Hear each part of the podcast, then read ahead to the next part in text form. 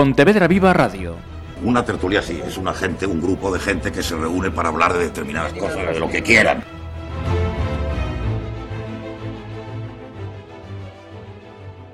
Hola, saludos. ¿Qué tal? El ajedrez vive un momento álgido y vamos a hablar de esta práctica deportiva, de por qué es así y seguro que de infinidad de cuestiones más teniendo en cuenta las dos personas que me acompañan hoy en el estudio de Pontevedra Viva Radio.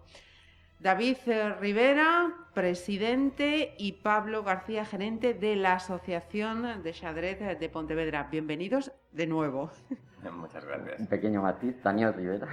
Perdón. no pasa per- nada. Perdón, perdón. No, David te- es muy te bonito dije? también. ¿Qué te dije? David, David, pero no David. importa. Ah, vale, ya sé por qué te dije David. Vale, vale. Fueron la- en las gestiones previas de la entrevista. Hablé con David, efectivamente. Daniel.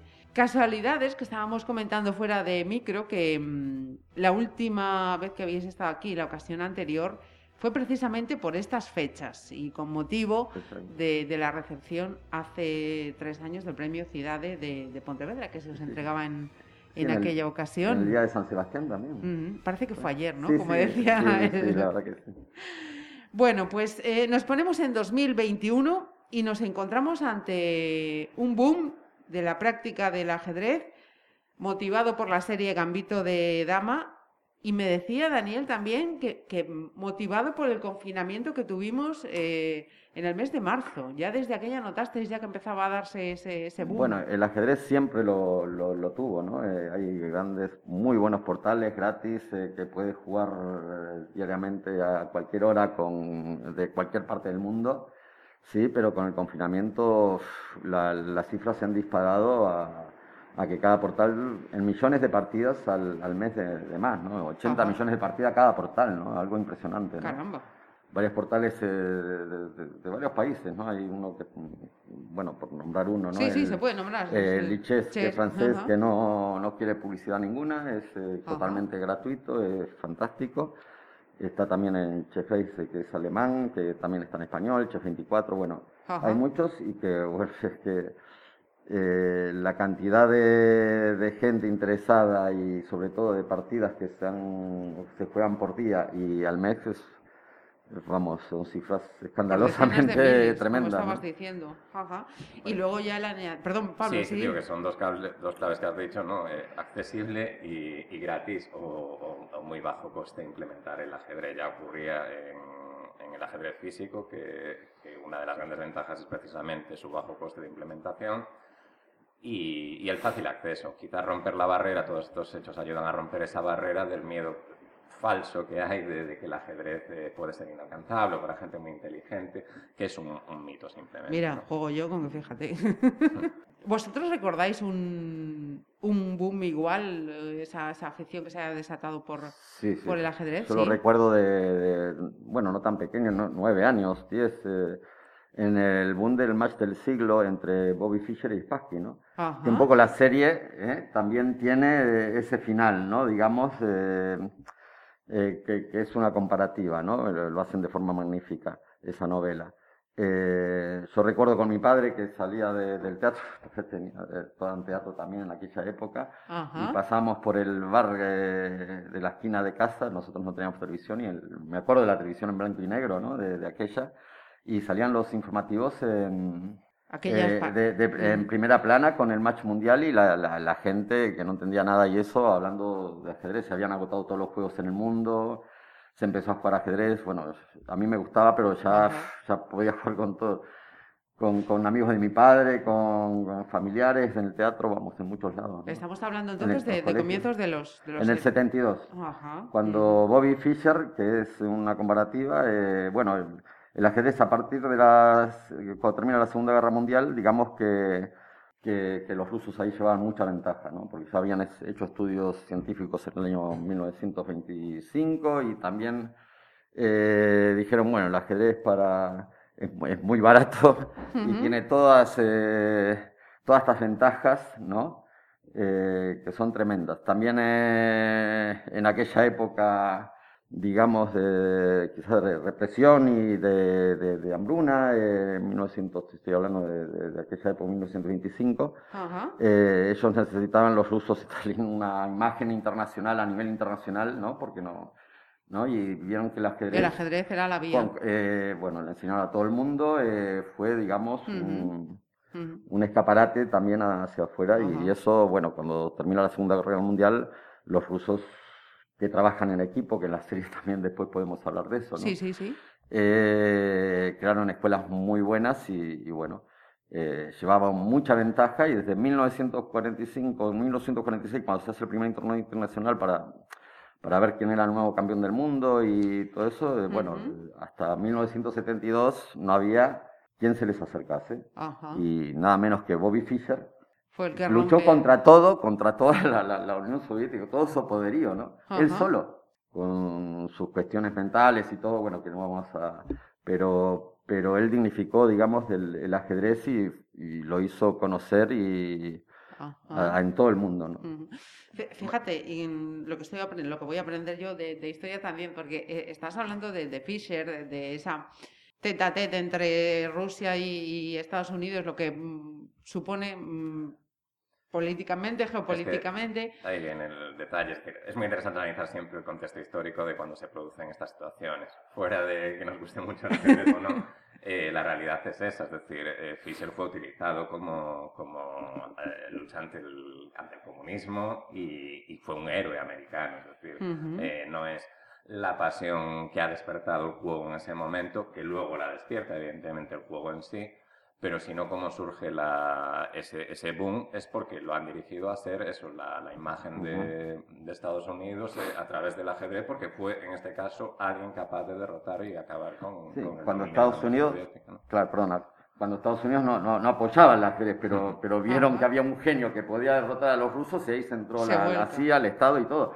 Pero también los rusos, ¿no? Eh, era una cuestión de Estado, ¿no? En plena Guerra Fría. sí, sí. ¿sí?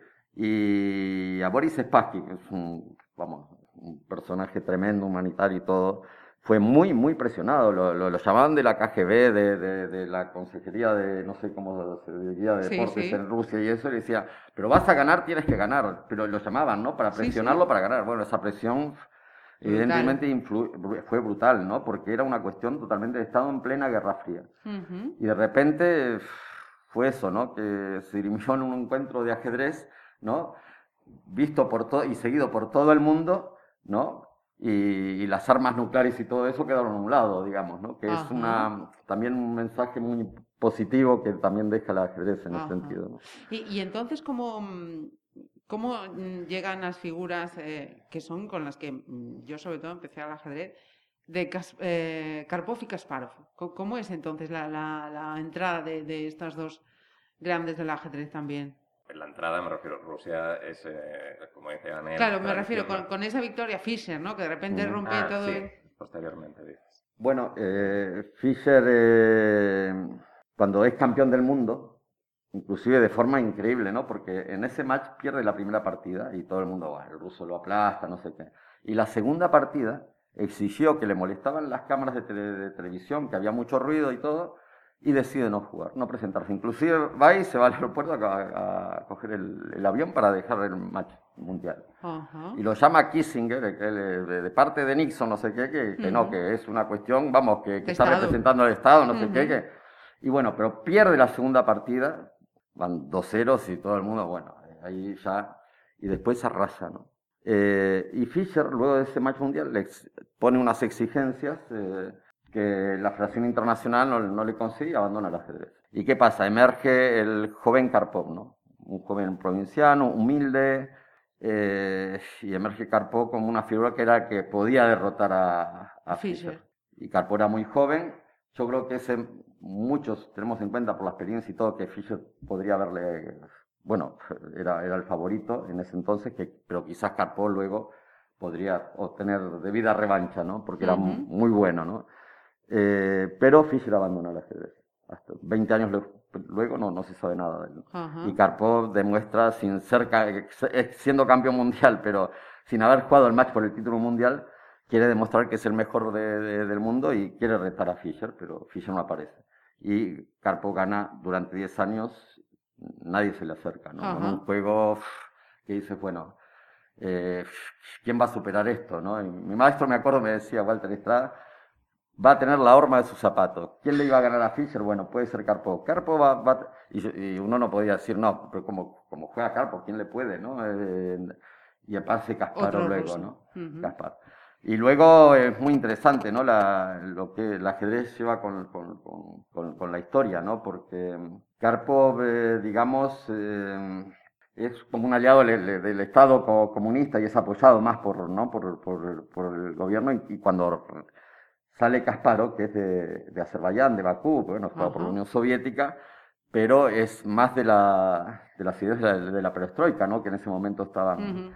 Eh, y bueno, en, los matches de Carpo y Casparo también suscitaron la atención de, todo el mundo, inclusive sí, sí, yo pensaba que eso, efectivamente, había sido ese... y se jugó parte en Sevilla, uno de los matches, que fue increíble, y que fue visto por 13 millones, bueno, fue el programa más visto, la, partida, la última partida en directo, ¿no? fue impresionante, ¿no? Yo recuerdo ir por los escaparates, y fui a Madrid, y, y estaba, bueno, siguiendo la partida, ¿no? Ajá todo el mundo. O sea, en, tu caso, eh, Diana, ya que estamos eh, hablando de, todo lo que sabéis tú, ¿te inicias en el ajedrez desde niño, desde pequeño? Me, enseñó mi hermano a los seis años y me encantó. Una pasión. A los siete me regalaron un juego de ajedrez.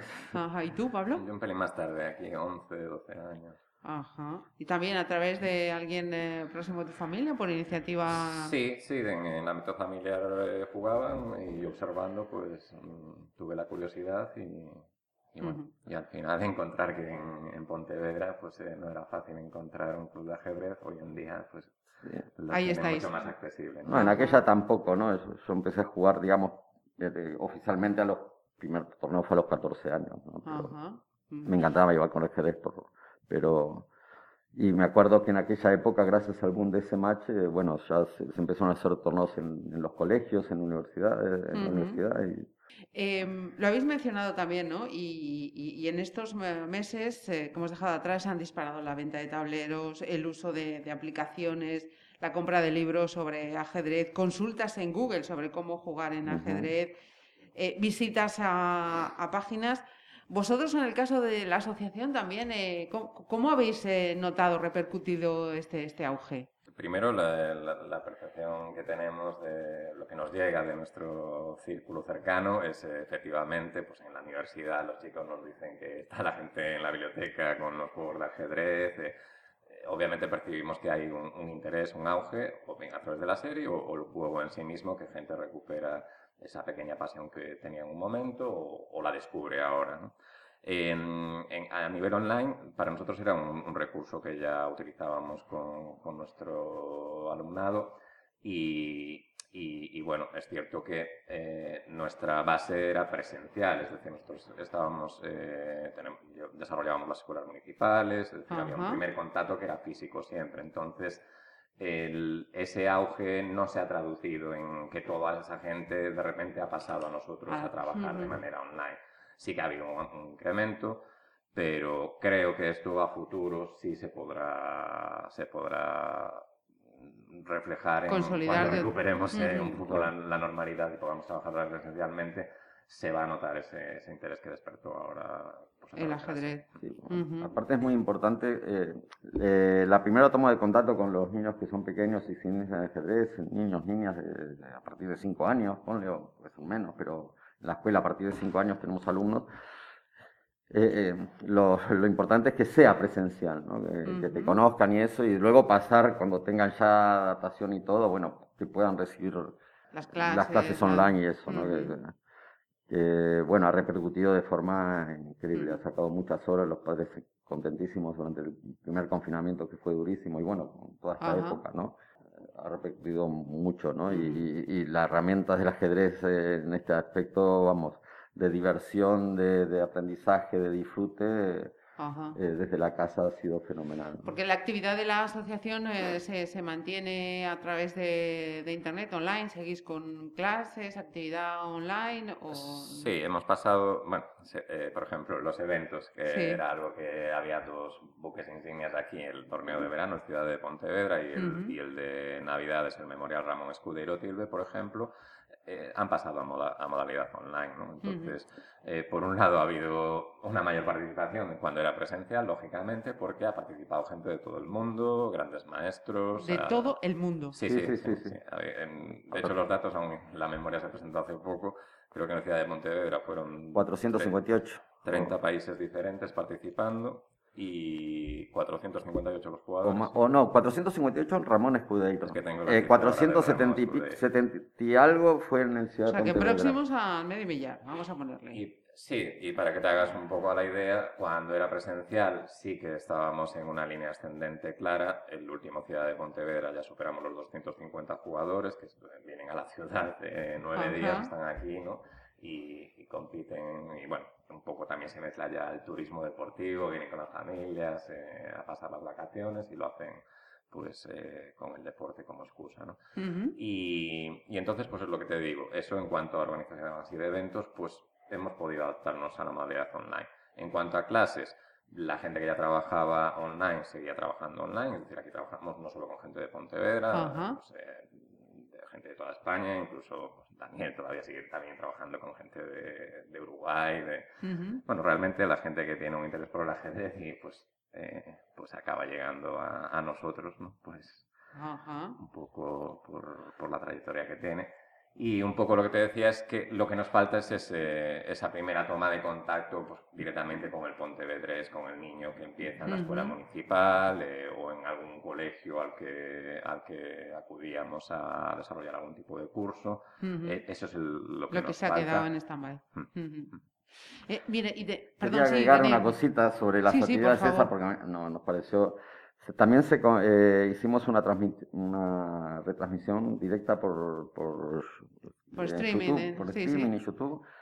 O hicimos un curso, llevamos tres cursos iberoamericanos. Eh, eh, participó el gran maestro Leslie Shiro, dos veces su campeón del mundo, comentando sus partidas, hablando de ajedrez en directo, pero lo que quería destacar también es la, la promoción también de, de, la ciudad de Pontevedra, de la ciudad misma, Sí, sí. de gente muy interesada y también del nombre de Ramón Escudero Tilbe, ¿no? De lo que significó y de que contamos un poco, ¿verdad? su, superación, su ejemplo, su vida y, bueno, eh, y fue conocida por, por muchísima gente, ¿no? De, a, nivel internacional, tanto de la, de la ciudad como de Ramón. Son cosas que falsamente se dice, ah, el ajedrez mal llamado juego. Es un juego ciencia, deporte, cultura, eh, bueno... Eh, eh, muchas cosas. muchas cosas. y, lo tildan de minoritario cuando es uno de los deportes con tercero o cuarto de afiliados, la Federación Internacional de Ajedrez, de jugadores aficionados, que está entre los primeros lugares del mundo. Primero está, no sé si el atletismo, el fútbol, el baloncesto y está la, sigue el ajedrez. El ajedrez. que, falsamente tiene, tiene, tiene ese miedo porque eh, lo, lo, que sí hace falta es eh, apoyarlo y que... Que hay un impulso claro. Fíjate, ¿no? Eh, aquí lo que hace falta, y luchamos por ello, es verdad que, en Ponteveras hay apoyos sobre la pero en las plazas, ¿no? en los parques públicos, tú vas a, muchos sitios, caminas a cualquier plaza de, europea, de, y, ves los tableros gigantes. Yo, eh, eh, eh, yo me quedé impresionado muchos, cómo la gente comenta. Mm. Bueno, ya no te digo los países del este donde el ajedrez es, es, ya es mm. materia, ¿no? Más que el fútbol, ¿no? Sí, sí. Pero te hablo de, Suiza, de Bélgica, no sé, Francia, que vas a cualquier parque y tiene un ajedrez gigante y están en pleno invierno y está jugando el señor, el abuelo de 80 años, con de repente con, su nieto o, gente mayor haciendo su partidita. Ajá. abajo cero, me acuerdo que fue en Berna, ¿no? ver esa, una imagen que ¿cómo no ¿no? pero, pero fíjate que es una, una cultura que, que es, eh, también es, lo, lo, lo, saca, estás trabajando, ¿no? La, la, la mente, divirtiéndote, disfrutando, pensando, eh, haciendo vida también social, ¿no? Es decir, que, que hace falta eso, ¿no? Eh, hay que reivindicar que tenemos que... Que, aparte es una imagen tremenda. Te lo digo por otra cosa. Sí, si sí, puedo agregar. por favor. Nosotros hacemos, eh, bueno, en, dos fechas muy destacadas, siempre desde, desde nuestro inicio, en el 2001, las simultáneas el día del 15 de agosto, ¿sí? Eh, con la Asociación de Vecinos de Santa María, que es un éxito, y también eh, conmemorando desde el primer año Letras Galegas. ¿sí? El 17 de mayo sacamos el ajedrez a la, el, el fatídico 2020, el ajedrez a la calle. La cantidad de turistas, de gente de afuera que viene y que se sienta, que saca fotos, pero que dice que es una imagen buenísima, porque eh, ellos muchas veces los tienen en sus ciudades y ven el ajedrez y, bueno, y se quedan ahí de repente las dos horas, ¿no? dos horas y media que dura, ¿no? Antes de entrar a hablar de la serie, para todos aquellos pues, que se han enganchado a raíz de, Gambito de, Dama, en algún momento de esta charla habéis eh, señalado a partir de los cinco años. ¿Esa sería la edad a la que recomendaríais que se puedan...? A nivel educativo inclusive menos, pero no solo no con el movimiento de las piezas, ¿no? Ahí te puede explicar también para lo que... Eh, vamos. Lo importante es eh, para qué queremos el ajedrez. Entonces, yo entraría por ahí, porque eh, debemos separar lo que es la parte estrictamente deportiva A, lo que realmente el ajedrez es útil. Por ejemplo, como te dice Daniel, eh, hay un preajedrez que se está trabajando en escuela eh, de tres, a partir de los tres años. Es decir, ¿por qué? Por los beneficios que implícitamente lleva los conocimientos de geométricos. evidentemente no están jugando al juego del ajedrez completo como lo conocemos los demás, ¿no? Es decir, están practicando eh, pues juegos como, como, se forman ellos a los tres años, eh, pues las canciones, pero con, con, las partes del ajedrez, pues el alfil, empiezan a conocer la palabra diagonal, eh, fila, columna, es decir, entonces los números. se, puede se puede trabajar con el ajedrez ya desde edades muy tempranas. Como juego estrictamente deportivo, pues sí que es cierto que cada vez tenemos ejemplos más precoces, es decir, eh, hay niños que a los cuatro años te sorprendería ya mm. eh, cómo, cómo, son capaces de poder desarrollar una partida completa e incluso empezar a, ya a, destacar. Pero bueno, eh, el, interés sería ese, ¿no? Porque más allá de lo, de lo estrictamente deportivo, lo que el ajedrez puede, puede beneficiar precisamente a nivel educativo en, el desarrollo cognitivo de los chiquillos y también te diré, eh, hoy en día, eh, es que las, eh, todos los campos en los que estamos trabajando, te pongo el ejemplo de los mayores, por ejemplo, en Pontevedra llevamos ya dos años en los que estamos trabajando con el ajedrez como prevención y, y, tratamiento de deterioros cognitivos y que incluso pues, ha llegado eh, a implementarse en la, en, el, en, el, en, la Universidad de Vigo en el, en el, programa de mayores que tienen, ¿no? por ejemplo. Y, y, estos son los pasos que creo que se deben dar. Es decir, ¿cómo aprovechamos estos boom posteriormente para, para, para realmente explotar lo interesante que es explotar eh, del ajedrez? mucho más allá de la, de la faceta estrictamente deportiva, eh, que yo siempre lo hemos entendido como pues si alguien conoce el ajedrez, eh, por ejemplo, en la escuela, trabajando, es decir, de una manera lúdica, aprendiendo matemáticas, aprendiendo eh, eh, a través del ajedrez, pero sin jugar propiamente al ajedrez, llegará un momento que si le gusta realmente el juego es cuando decida ir a su club, a nuestra asociación, a, desarrollar la, práctica deportiva. Pero, pero entonces, ¿qué está faltando? Pues está faltando un poco eso. O sea, todos los países.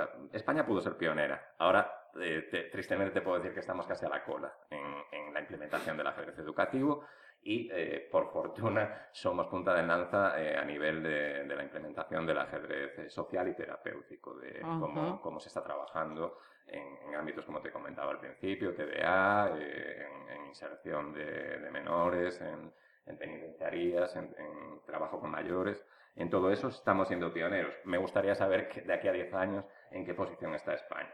Y entonces, en otros países, pues hay, por ejemplo, de donde procede Daniel, Uruguay, un plan nacional del ajedrez. Entonces, por ejemplo, hay universidades que tienen siete departamentos trabajando en implementar precisamente, en explotar esas bondades, esas ventajas que, aporta el ajedrez. Todos los colegios, yo creo que hay ahora mismo el listado de países en los que hay un plan nacional en el que se ha implementado en todos los colegios el ajedrez, implementar es decir, dotar de recursos, formación de profesorado, o sea, claves lógicas eh, para que entiendan lo que, lo que están eh, utilizando y cómo, y cómo implementarlo.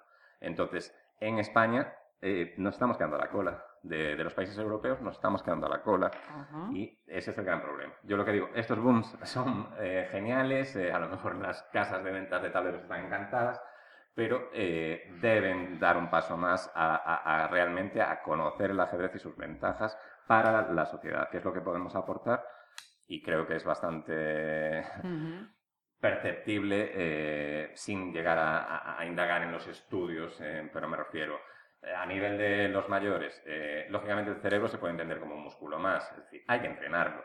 Ha habido campañas de, concienciar a la gente de que debían tener hábitos saludables, mantener cierta actividad física.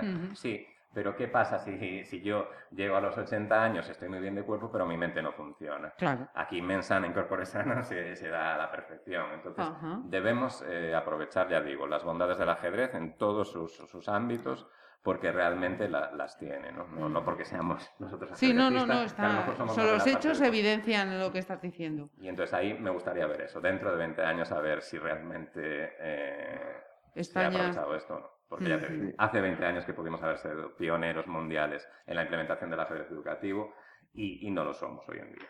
Sí, sí, Daniel. Y eso que tenemos un lugar que es eh, el Club Magic de Extremadura, que, que, eh, que bueno, que es vanguardia a nivel mundial de lo que es el ajedrez eh, terapéutico, social, en, todo, en los mayores, eh, en las cárceles, que quita, vamos, es impresionante y, bueno, es destacar a, este club de ajedrez en Extremadura, ¿no? Eh, también Pablo decía así, en la Universidad de, Uruguay, ¿no? Hay, hay, grupos de investigación, ¿no? este, porque hay mucho por investigar y Después que, bueno, sí, los niños prodigios, por ejemplo, eh, niñas, ¿no? digamos que, que, a edades muy tempranas, que son prodigios, lo son generalmente en matemáticas, en música y en ajedrez, ¿no? Matemáticas, música y ajedrez. Sí. Y por último también me fui, ¿verdad? que creo que por primera vez se pusieron todos de acuerdo en el Parlamento Español, que en el 2012, ¿no? Fue que por unanimidad eh, salió por, todos los debates y eso, que no hubo ninguna duda que tenía que ser como materia educativa y que ya le dieron las manos ahí a las, a las autonomías, ¿no? Y bueno, eh, también eso va a paso lento, pero ya hay muchos colegios que tienen el ajedrez como materia, muchísimos, miles que lo tienen como actividad escolar. Hay, una cosa que me ha llamado la atención, Pablo, decías, eh, hace, hace 20 años pudimos ser eh, pioneros. ¿Qué, ¿Qué, es lo que pasó entonces hace 20 años y, y, falló o se dejó de hacer? bueno, eh, vamos a hablar de política ahí, es decir, es, es, quien se mete en medio de eso, es decir, primero, cuesta que entiendan, que lean los proyectos, eso ya lo primero, es decir, acercar a quienes toman las decisiones a que realmente conozcan los proyectos, eh, mm, cuesta bastante, es, la realidad. Eh, muchas veces es al revés, es decir, funciona tan bien, tan bien, tan bien que no le queda más remedio que aceptarlo y, y, a lo mejor dar algún paso para... Pero es que además, lo, quizás lo más doloroso de esto es el bajo coste de implementar eh, el ajedrez. Te pongo un ejemplo. Hace 20 años te, daba esa fecha porque es cuando se llegó a plantear incluso la introducción de, en los magisterios, en, formación, ¿no? Es decir, esto no es para que la gente del mundo del deporte llegase, es decir, puede ser muy buen jugador de ajedrez, pero pedagógicamente un desastre. Es decir, lo que se trataba es de formar en ajedrez a el profesor, al futuro profesorado, ¿no? Todo eso no, no, nunca, al final nunca llegó a buen puerto. Es decir, aquí la Universidad de Vigo también anunció un máster de, de ajedrez tenía que ser declarado de interés estratégico por la Junta para que se aprobase. Pues, al final quedó todo en agua de borrajas. Lo que dice Daniel de esa reunión donde el Parlamento español aprobó por unanimidad eh, que se implementaría el ajedrez en educación, al final se derivó en las autonomías. Y bueno, en Galicia a día de hoy te puedo decir, sí, está el ajedrez en el currículum, figura como, como asignatura en secundaria optativa o como recurso en, en primaria, pero eh, cuando no hay ni formación de profesorado ni dotación de unos recursos mínimos a los centros también, difícilmente. Y mira que hay interés, ¿eh? Galicia además es muy propicia porque nosotros siempre hemos tenido contacto con el, con el profesorado y, por ejemplo, educación física, los centros educativos de Galicia muchas veces, por las inclemencias de, nuestra tierra, eh, pues no, no tienen instalaciones y entonces recurrían en el aula precisamente al ajedrez. Nosotros debemos darle las gracias muchísimo al, profesor de educación física y en general al profesorado, porque realmente han sido impulsores de, del ajedrez. Del ajedrez dentro de los que ellos entendían, del ajedrez deportivo, es decir, que, ya de por sí la práctica es, sana y es eh, muy positiva. Pero el juego como juego puede gustarle a uno o no gustarle.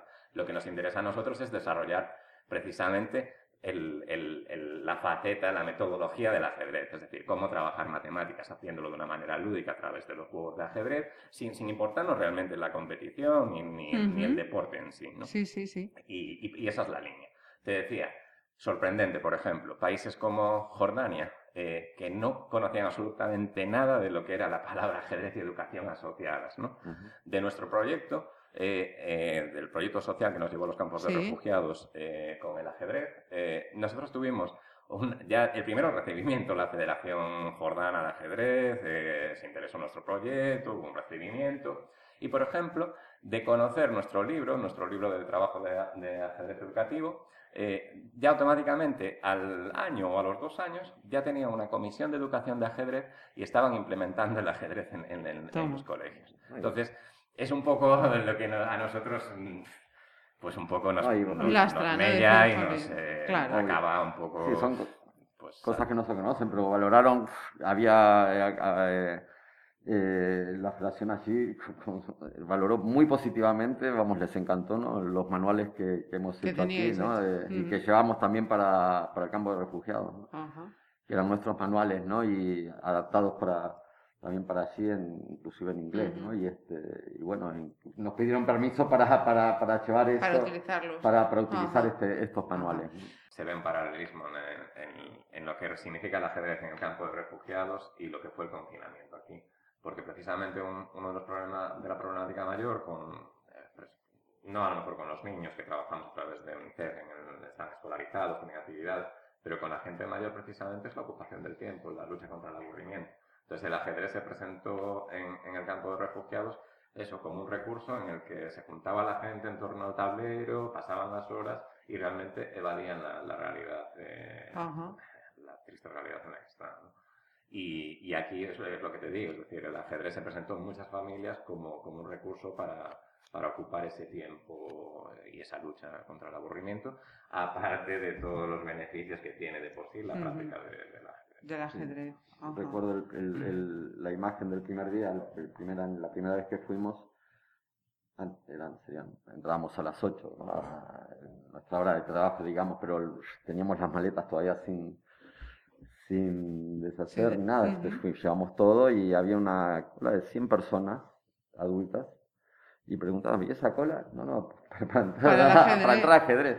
Y es increíble que, mucha gente adulta luego se juntaban con los niños, después venían las niñas y, y, que querían estar ahí, pero bueno, viendo una partida, pero haciendo sociabilidad, hablar, ¿no? Y distraerse, escapar de, de, una situación tremenda, ¿no?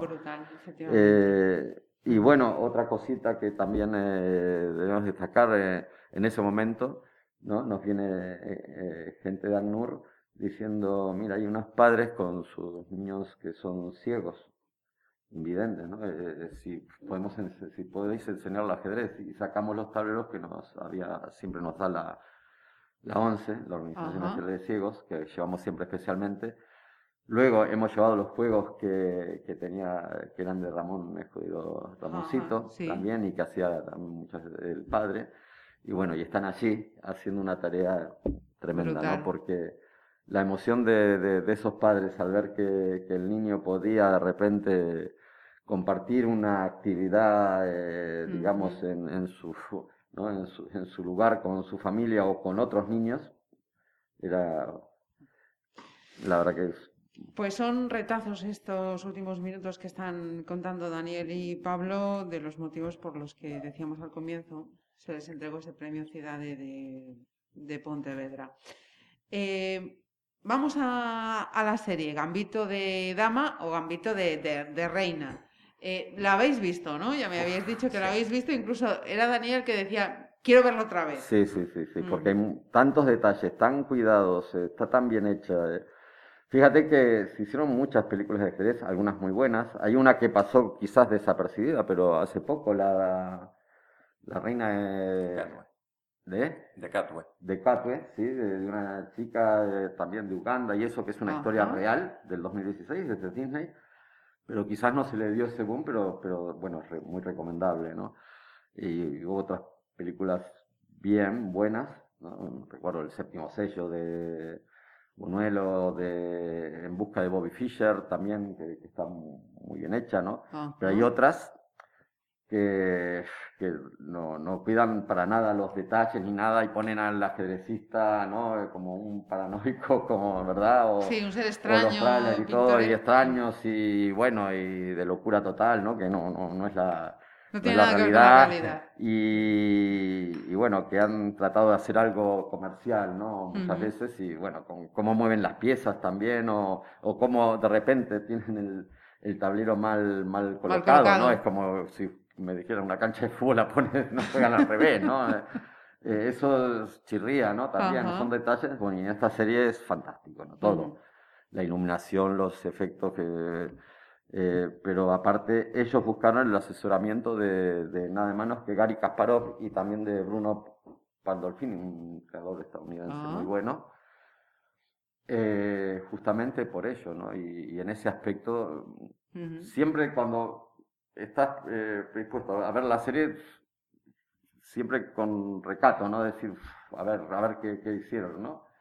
Y bueno, fue, fue un tremendo, ¿no? Ajá. Porque O sea, que, que el éxito entendéis entonces que es la suma de varios factores, no, no, no- no ha sido solo casualidad que de repente tanta gente sabiendo y no sabiendo jugar al ajedrez se ha sentido enganchada a Gambito. A ver, eh, yo, lógicamente, no puedo ser objetivo. decir, desde la parte ajedrecística me encanta, me, me refiero, pero porque veo paralelismos, veo, veo reflejado parte de mi vida profesional del ajedrez. eh, pero claro, el- realmente el éxito está en eso, en esa gente que no tiene esa vinculación con el ajedrez y que se ha enganchado igual. Entonces, entiendo que hay uh, bueno, eh, unos componentes cinéfilos o, pues que hace que, que tenga enganche. Ujú. Eh, ya- te digo, desde la parte ajedrecística, en ese sentido estamos encantados porque eso, porque es muy similar a, a la realidad, aunque hay exageraciones, exageraciones provocadas, entiendo, para, para precisamente para hacerla atractiva al público. Una de ellas, eh, por ejemplo, para mí es significativa, pero también va acorde un poco con lo que está ocurriendo en la realidad, que es eh, la reducción de tiempos, la velocidad eh, en la que percibe a lo mejor el espectador que se juega la partida, es decir, hay fragmentos en los que ves eh, que hay una jugada-respuesta, jugada-respuesta automática, Ujú. eh, que en la partida clásica de ajedrez No no, es da. la realidad. Ujú. Y sin embargo, el propio mundo del ajedrez se está adaptando, es decir, eh, lógicamente entienden que no es comercialmente vendible un programa de televisión de seis horas de duración en el que no ocurre nada. Entonces, eh, los tiempos de las partidas oficiales de ajedrez cada vez se están reduciendo más Ajá. e incluso ahora hay un éxito grande de- en las redes, ¿no? De, de esa retransmisión en paralelo que hacen comentaristas. En España tenemos uno muy bueno, Pepe Cuenca, que, que retransmiten comentando, comentando, pero para un público que no tiene por qué ser entendido e- en ajedrez, ¿no? Es decir, lo Ujú. hacen mucho más próximo. Y, y además hoy en día tenemos unos módulos, unos ordenadores que en, en toda retransmisión te, te están dando la valoración eh, matemática de, de cómo está la posición. Entonces, eh, realmente, el- y con las jugadas, las posibles jugadas candidatas que puede hacer, cómo valora la posición. Entonces, el espectador, digamos que entiende, aunque sea a través de, del ordenador, eh, quién está mejor, quién está peor, eh, pues... eh, y, y ya te digo, es un poco hacia dónde va, que se haga mucho más atractivo para el público, reducir los tiempos, recomiendo, recomiendo que la gente busque a Pepe Cuenca en YouTube y alguna Buscar a Pepe retransmisión y Cuenca. eso porque Ajá. es, eh, vamos, es alucinante, van a quedar impresionados. Este, va a ser muy bueno para que vean y lo vean que un vosotros show, mismos. un show de, de- de lo que alguien considera Sí. muy serio, muy Ujú. un deporte muy callado y tal. Y Fíjate, aquí te- me llama la atención, perdona que te interrumpa, Sí. Pablo, eh, el que hayas eh, juntado en una frase show y ajedrez. Es que es, es lo que, Exacto. para que veas un poco la comparativa que hacen, por ejemplo, de Pepe Cuenca, de Pepe Cuenca es eh, con Andrés Montes, con el, con el baloncesto. Eh, porque claro, él, eh, bueno, hay que verlo, la verdad. O sea, tiene un grito de guerra ahí, rata, ta, ta, ta, eh, tiene nombre de No, los pero- peones concreto y cuando avanza, es decir, cosas que ocurren en las partidas de ajedrez, que hay muchas cosas comunes y a, las que él ya denomina. Y hay mucha gente que conoce por su grito de guerra o por eh, o ya está llegando la torre. Bueno, hay que verlo, ya digo. Yo, pues lo, vinculamos. disfrutarlo y aunque no aprendas ajedrez, ves una retransmisión de él y, bueno. Ajá, brutal. Eh, sobre, claro, sobre lo que decía Pablo antes de que las partidas son más rápidas, y eso es por una cuestión de que, claro, la serie tiene que ser dinámica. eso lo pensaron también y, y eso tiene que ser así. Yo creo que aborda muchos temas y los aborda en su justa medida, es decir eh, puedes tener creencias eh, de cualquier tipo político y sí, es, es una serie que, que, que, bueno, aborda todos los temas muy importantes, muy serios, ¿no? Eh, pero con naturalidad y con coherencia, ¿no? Es decir, no los toma de una forma... Por ejemplo, a mí me encantó, ya de, primera mano, que la protagonista fuera una mujer. Bueno, Ana Taylor fue bueno, es una lucha de, de, de, superación, también de, humanidad, de, lucha contra, bueno, lo, con lo que tuvo que sufrir y sufre también la mujer durante siglos, ¿no? En, en, toda en todos los ámbitos, ¿no? Y el, en el ajedrez también influye, porque ¿cómo no va a influir el ajedrez? Porque ese es otro debate que también se ha suscitado, se, se, se, plantea, cualquiera que entre a leerlo lo, lo va a encontrar, sobre la mujer y el ajedrez, ¿no? De que el ajedrez se vincula más al juego masculino que al femenino y... Eh, es una realidad, es decir, eh,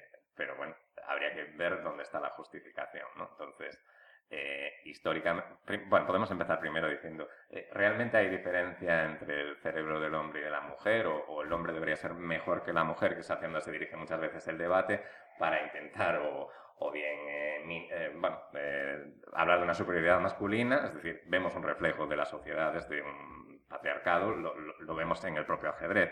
Hay un déficit muy grande eh, de participación femenina en, las competiciones. Eso probablemente es una de las causas que lleve a que efectivamente solo ha habido una mujer, que fue Judith Polgar, en el top 10 mundial, o que a día de hoy eh, la primera mujer clasificada es el número 110, la china Hou Yifan, por ejemplo. Pero a nivel biológico, por ejemplo, eh, evidentemente eh, no, hay, no hay un argumento para decir eh, mejor o peor. Es decir, sí que es decir, los cerebros son diferentes. Por ejemplo, te puedo hablar de testosterona, por ejemplo, a nivel de, competición. Es decir, hablamos aquí de, alta competición. Entonces, la testosterona influye, eso está más que demostrado. Pero luego, a nivel cerebral, por ejemplo, sí que hay unos estudios ahora que se hace el mapeo del cerebro. Por ejemplo, en las conexiones, que en el cerebro masculino Ojo que hablamos además, eh, porque aquí se, ve muy, claro, ¿no? Hasta los 13 años no hay eh, diferencia, 13 a 17 empieza a haber una cierta diferencia y se acentúa a partir de 17 años, que justo coincide cuando hay el, el, descenso mm. en, la participación femenina en, ajedrez. Y lo que hablaba era en, la velocidad de las conexiones, en, el área cerebral de masculina o femenina, por ejemplo, en la masculina sí que se demuestra que hay una mayor conectividad en la parte frontal y trasera, y en la mujer va del hemisferio izquierdo a derecho y eso está, por ejemplo, relacionado, pues eso, a lo mejor que el hombre ejecuta mejor actividades, por ejemplo, aprende a andar en bicicleta, eh, a conducir, actividades directas eh, de una manera más rápida. La mujer eh, está relacionado con la intuición o con la resolución de tareas en grupo, es decir, o la memoria, por ejemplo, en principio podríamos indicar que tienen una mejor capacidad de memoria la mujer que el hombre. Es decir, pero que sean diferentes eh, no implica que uno sea mejor o peor, y de hecho es la única parte a nivel biológico que podemos hablar de diferente, a diversidad. Entonces, cuando eso se junta a factores eh, como ha habido sociales, eh, históricamente, te podemos decir incluso que la mujer no tenía permitido jugar al ajedrez en muchos países. Mm. Aún a día de hoy, aún, socialmente no está bien visto que no, pues precisamente eh, mucho derivado de sociedades patriarcales en la que el papel de la mujer era el hogar simplemente. Si te remontas en la historia, por ejemplo, eh, curiosamente se da un momento en el que era la inversa, es decir, eh, el, juego de mesa era más propio de las mujeres. Y de hecho el hombre se acercó al juego de mesa, al ajedrez, precisamente para el cortejo a la mujer. Es decir, pero bueno, sí que hay un déficit hoy en día. Una, eh, porque no hay referentes, pero también porque es eso, se ha masculinizado tanto eh, la idea de asociar el ajedrez al hombre y no, y no a la mujer, entonces, llegado un momento, para las chicas es más difícil porque su grupo de amigas, no, nosotros siempre hemos tenido nuestro círculo dentro del ajedrez y la mujer no encuentra ese círculo. Entonces, es importante trabajar en tener referentes, y, pero bueno, dentro de lo que te digo, que mm, yo entiendo que eh, arrastramos eh, un, déficit que podríamos intentar corregir en ese sentido. Tener nosotros, de hecho, aquí sí, sí lo hacemos siempre cuando, evidentemente, pues ha venido Alexei Siro, campeones figuras mundiales, siempre hemos luchado por traer, pues eso, Mónica Calceta, siete veces campeón nacional, eh, la Rus ha, venido una chica que es eh, potencialmente llamada a ser una de las mejores del mundo, y sí que es cierto que lo percibes que tener ese referente hace que las chicas que están participando, pues eso, hemos intentado, pues eso, que se juntaran, que hablaran, que vieran cómo ella ganaba a los maestros también, es importante para, para que rompan ese, ese tabú social, digamos, y que se vea normal de la práctica deportiva del ajedrez en la mujer. Yo, también, yo creo que le doy, eh, bueno, también lo, lo, científico y eso, pero la discriminación de la mujer en los siglos de historia, ¿no? En todos los aspectos, ¿no? De la religión, no solo la católica, en todo. pero la católica, para mí, vamos, eh, ¿no? Eh, no, de forma evidente. una, una papa, ¿no? Es decir, eh, en, este momento, la lucha de, por la igualdad es, es, del siglo XXI prácticamente, que va más allá, ¿no? Es decir, todas las luchas que se emprendieron, bueno, fueron sometidas también a, en, todos los, en muchos países y potencias y todo, eh, fueron populares y ahora está tomando mucha fuerza, ¿no? Yo tengo la pregunta, ¿no? ¿Cuántas directoras, presidentas hay en el, en el mundo, de directores de, de, empresa y todo? Está comandado por un mundo de, también de patriarcal, machista y, domina, de dominación absoluta, ¿no? Entonces, el, ajedrez, claro que es una asignatura que tenemos que tener muy pendiente porque eso hay que unificarlo y las federaciones tampoco le están dando la seriedad que, realmente merece. ¿no? Habéis señalado un par de referencias en la historia del ajedrez, pero mm, estaba leyendo, de alguna manera también se han cogido eh, una de las referencias para Gambito de Dama, la figura de Vera Menchik. Sí, Vera Menchik y Nona Capendashvili también, que está en el match. Ah. La historia de Vera Menchik es tremenda, ¿no? Eh, es un, ejemplo, ¿no? Ella fue campeona del mundo, la primera campeona del mundo. Fue, digamos, burlonamente, fue sobre alguien, un maestro, dijo, formó el club Vera Menchik para que sería formado por aquellos que perdieran con una mujer. El club de los perdedores, ¿no? Que había escuchado eh, y Vera, justamente ese que formó el club se enfrentó a Vera Menchik y Vera, Vera lo, lo, apoyó tremendamente, ¿no? Eh, jugó contra Capablanca, contra los mejores del mundo. Veramente fue la primera, digamos, eh, en ese, eh, y murió tristemente en un bombardeo nazi en, Londres, ¿no? pero después vienen otras. En, Rusia, cuando hablamos de, Rusia, que inventaron el ajedrez y todo, también lo, lo difundieron en, bueno, en, las mujeres. El primer torneo que hicieron, 5.000, ¿no? pero hay un país pequeñito que pertenecía a la Unión Soviética, que es Georgia y ahí salen las grandes campeonas del mundo, inclusive las Olimpiadas Mundiales que son, eh, son femeninas y absolutas, ¿no? Pero Georgia era siempre las grandes maestras de, de Georgia, de un país pequeñito ahí de los... ¿no? Y eso también tiene que ver con la historia, bueno, de la reina Tamara en el siglo XII, que fue una reina que, que fue una adelantada a su época, ¿no? justamente el apoyo a la mujer, en la, en la igualdad de la mujer y también en ver en el ajedrez para todo el pueblo y regalar en, la, en, en, las bodas el, juego de ajedrez. ¿El juego de ajedrez? Sí, sí, sí. Anda. Lo hizo partícipe a todo el pueblo, esto te estoy hablando del siglo XII, ¿no? La reina Tamara de Georgia, ¿no? No sé si tiene algún luego después del siglo después que las, las mujeres de Georgia eh, eh, sean las primeras, después de Veramente, las, las grandes maestras, ¿no? Eh, en competición y, y bueno, ya después eh, la producción del ajedrez y China, de la India y todo es tremendo, ¿no? Ya hay campeonas de grandes maestras que va avanzando eso en ese aspecto, ¿no? Pero con, con mucho todavía por, por subsanar, ¿no?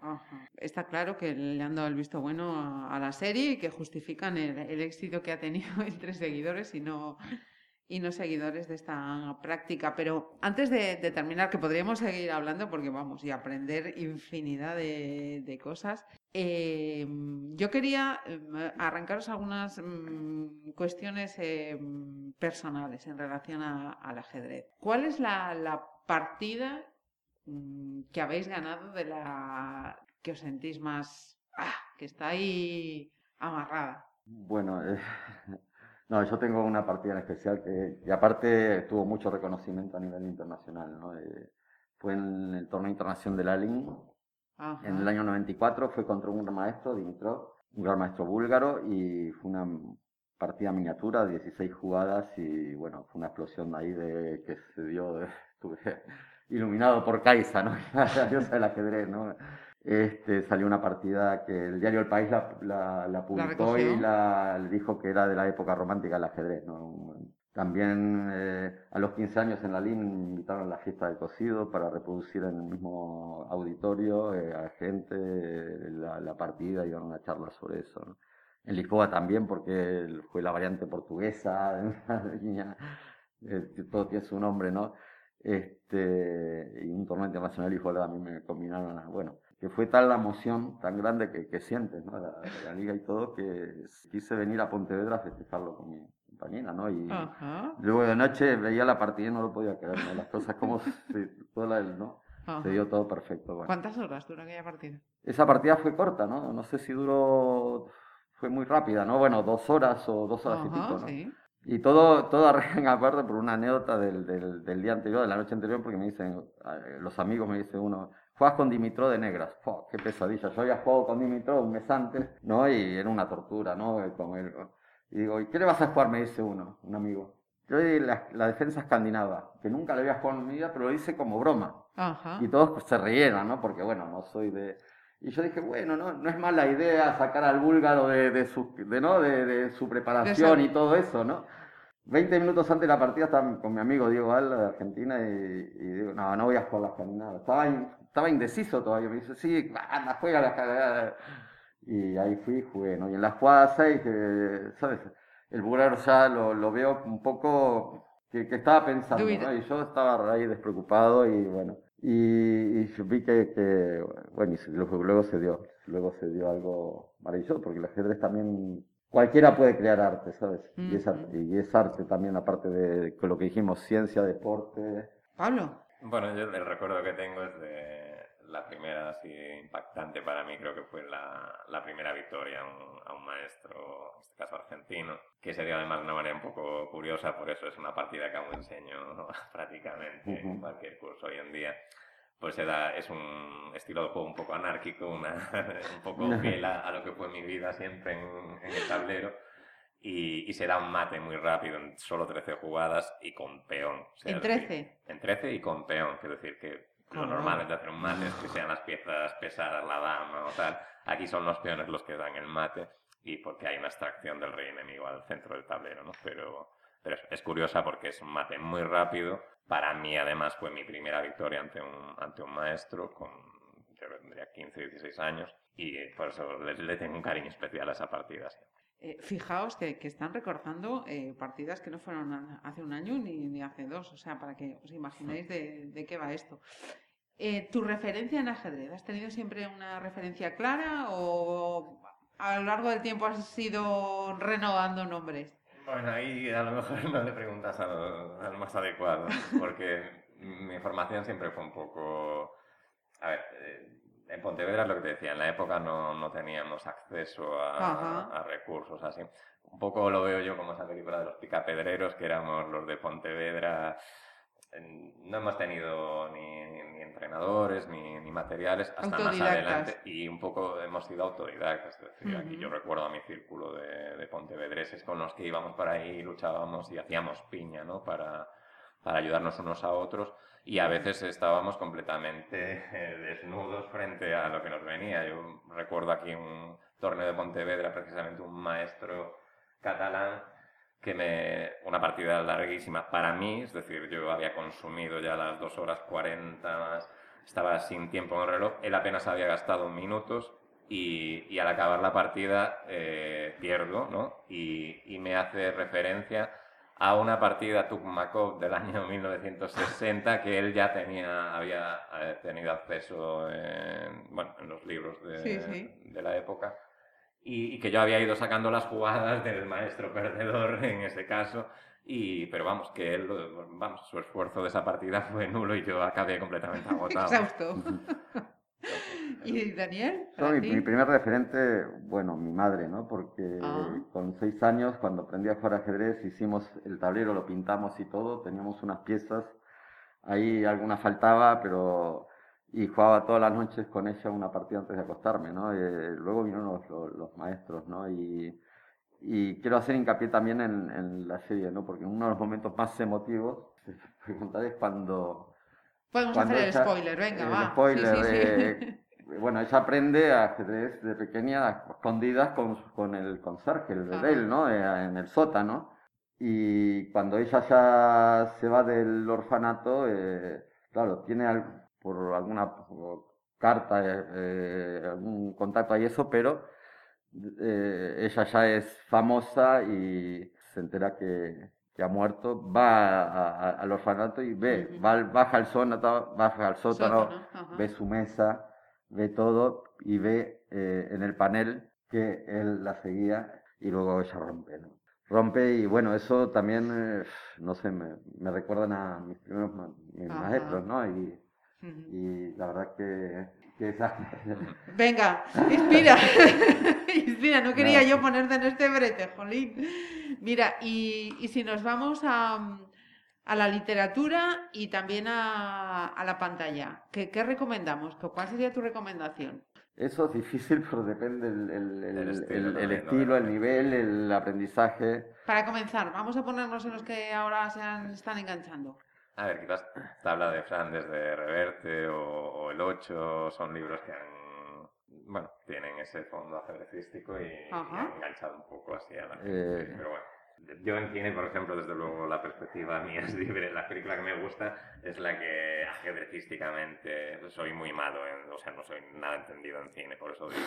Entonces, a lo mejor las que me gustan, la diagonal del loco o la, la diagonal del loco. Del fu, sí, o del fu, ¿no? Es francesa, sí, bueno, eso es otro problema con, la, con las traducciones de los títulos. Por, ejemplo, están echando ahora, justo a continuación, Netflix, creo que fue la En busca de Bobby Fischer, y, pero el título es eh, diferente. De hecho, yo vi el título y me dice mi mujer, hay una película de ajedrez, y hasta que empiezo a verla y digo, pero si estás en busca de Bobby Fischer, claro. Y resulta que era el, título, la traducción que habían hecho.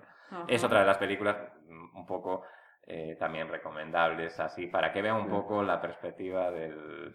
Es más orientada al deporte, ¿no? Quieren hacer eso, la, la, búsqueda de ese segundo boy fisher americano, y, pero por ejemplo, ¿qué nos llama a nosotros la atención?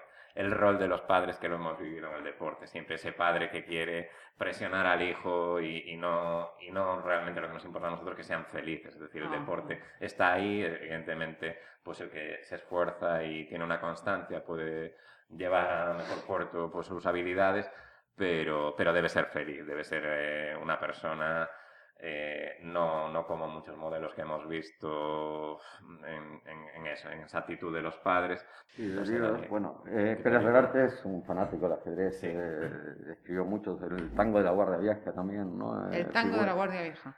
Quizás a muchos no les guste Pérez Reverte también, ¿no? Sí, sí, sí. Bueno, eso Libros, la verdad que hay unos que se publicó uno de, de Naisdor, inclusive con, con, dibujos que, de Miguel Naisdor, que tiene una historia impresionante. Hay un libro de él que se publicó en Buenos Aires que fue buenísimo. No recuerdo ahora el título.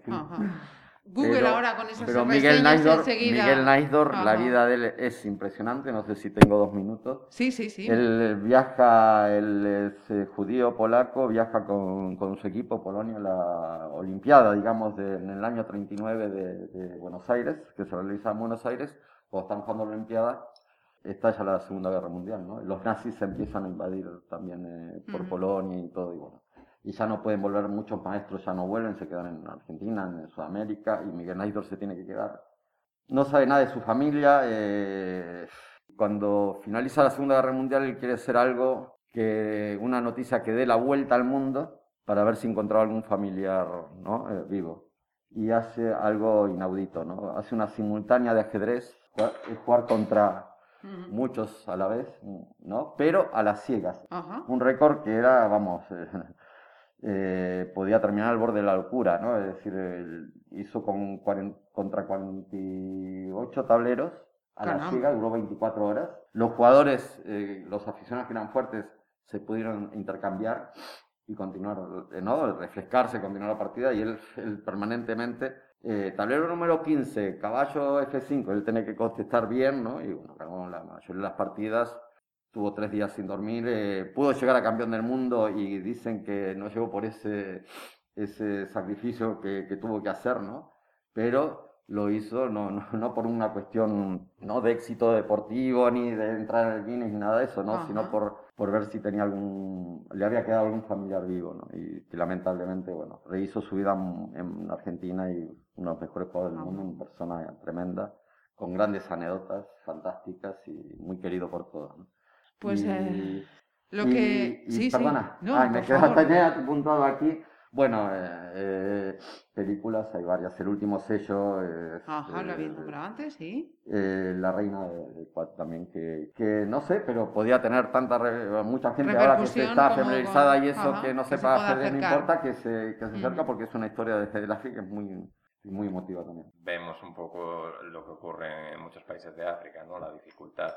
Aquí vemos el esfuerzo de una chica que tiene que hacer ya para acudir a la escuela, ¿no? donde muchas veces la, la, mujer no puede acudir a la escuela, pues aquí ocurre, no vamos a destripar la película del todo, pero vemos ese, ese para, bueno, es, una historia real, ¿no? entonces va a llevar al cine siempre hay exageraciones en algunas cosas, pero es eh, algo que es una realidad, eh, sobre todo en países africanos, y en la que pues el deporte, como puede ser otra actividad, en, en la que ha llevado a cambiar a a la vida de esa persona y de su comunidad en el futuro. Y, Pues fijaos, eh, casi una hora más o menos de, charla hemos hablado de geopolítica, de historia, de cultura, de deporte, de cine, de literatura, de acción social, de empoderamiento femenino, de educación, de, habilidades, pues todo eso y muchísimo más. En definitiva es el ajedrez. Dime. Tenía, tenía dos cosas que claro, que te van no, pero em, sobre todo en, la, en, lo de género y también sobre el final de la película, no sé si se puede hablar sobre todo de, no hablamos que, que había, existía una guerra fría, ¿no? Eh, tremenda, ¿no?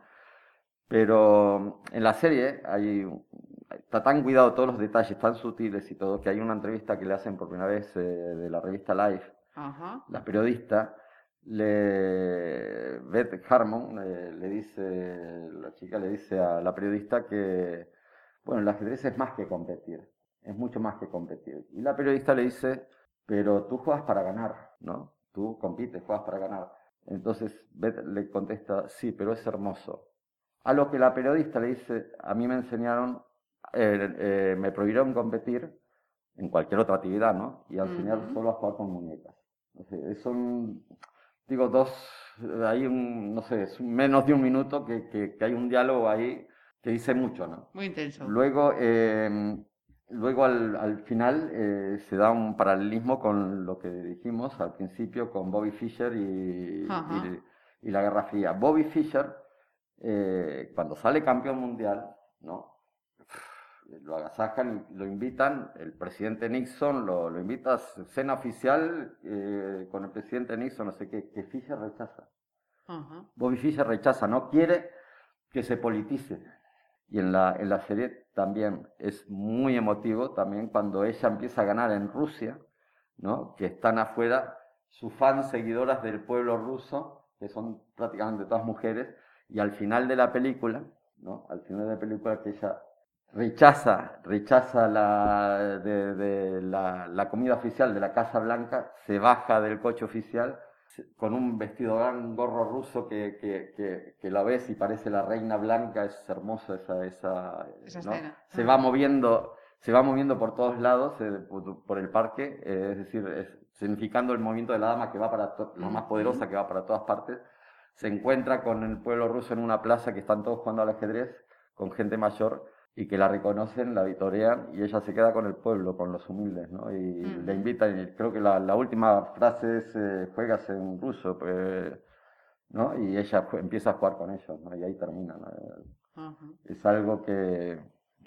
bueno, quería terminar con eso. Pues que, es, es, aparte es lo evidente que te ha despoliti- enganchado. Lo despolitiza totalmente, ¿no? Es decir, Ajá. eh, lo quisieron politizar, ¿no? Eh, fue así realmente, pero el ajedrez gana.